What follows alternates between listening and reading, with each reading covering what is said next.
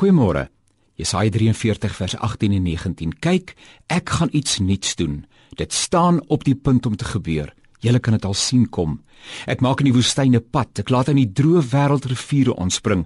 Maar moenie net by die verlede stil staan nie. Kyk, ek gaan 'n nuwe ding doen, sê die Here. Ons het die vorige keer verwys na die drie tydsdimensies waarmee ons gekonfronteer word. Dis onverwendbaar deel van elkeen van ons se lewens, gister, vandag en môre.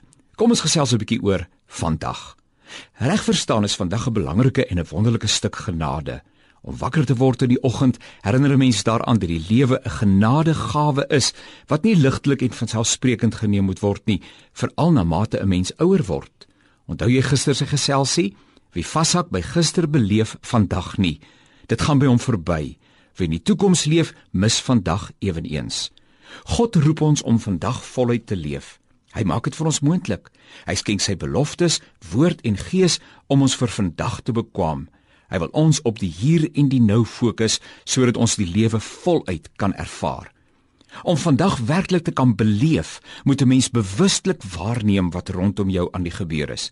'n Mens moet onthou dat vandag nie net een mens se genadegawe is nie, maar dat daar baie mense is om die waarheid te sê, miljoene wat vandag met jou deel. Soos wat jy begeer om 'n sinvolle dag te beleef, begeer hulle dit ook.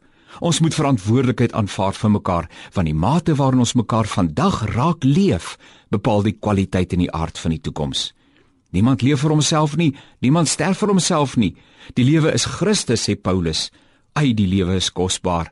Die lewe is aangenaam en verrykend as dit met die regte gesindheid beleef en geleef word. Die oomblik tel, dis al wat 'n mens het. 'n Mens kan vandag in die net nou of nou nou leef en die nou misloop. Vandag is die springplank van waar 'n mens die toekoms te gemoed gaan. Môre is onbekend, ons het net vandag. Kry 'n deeglike aanloop na die toekoms deur vandag voluit te lewe. Iewers sê die Bybel mos, vandag as jy sy stem hoor, geniet vandag